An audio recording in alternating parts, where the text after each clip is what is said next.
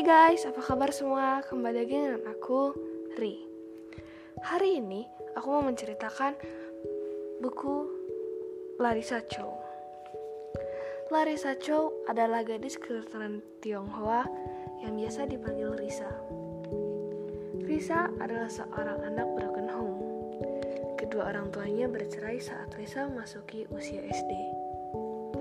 Seringkali Risa rindu dengan mama Apalagi saat itu ia belum mengerti arti perceraian. Oma dan papa sangat sayang pada Risa. Risa tak boleh bermain di luar karena Oma dan papa khawatir Risa terkena musibah apa-apa. Alhasil, pengasuh adalah teman Risa. Koni adalah pengganti mama untuk Risa hingga SMP, Oma masih melarang Risa untuk banyak bergaul. Risa tumbuh menjadi anak yang tertutup.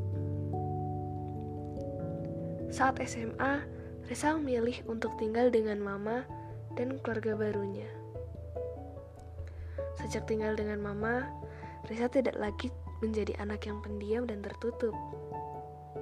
Pelan-pelan, Risa belajar bersosialisasi. Papa adalah seorang ayah tunggal, namun Risa yakin Papa menyayanginya. Sejak remaja, Risa tak pernah lepas dari catokan. Ketika ia heboh berdandan, Mama selalu mengingatkan untuk mencari suami yang dekat dengan Tuhan, tidak ke malam, dan juga tidak minum alkohol. Risa mulai bertanya-tanya tentang kehidupan saat ini. Untuk apa ia hidup dan ke mana ia akan berjalan. Risa pun mencari dan menggali tentang Islam dengan bertanya ke Alvin. Risa tertarik masuk Islam. Maka ia pun mengucapkan syahadat tanpa sepengetahuan keluarganya. Rahasia itu pun terkuak dan membuat mama murka. Risa diusir dari rumah mama. Risa kembali tinggal dengan papa.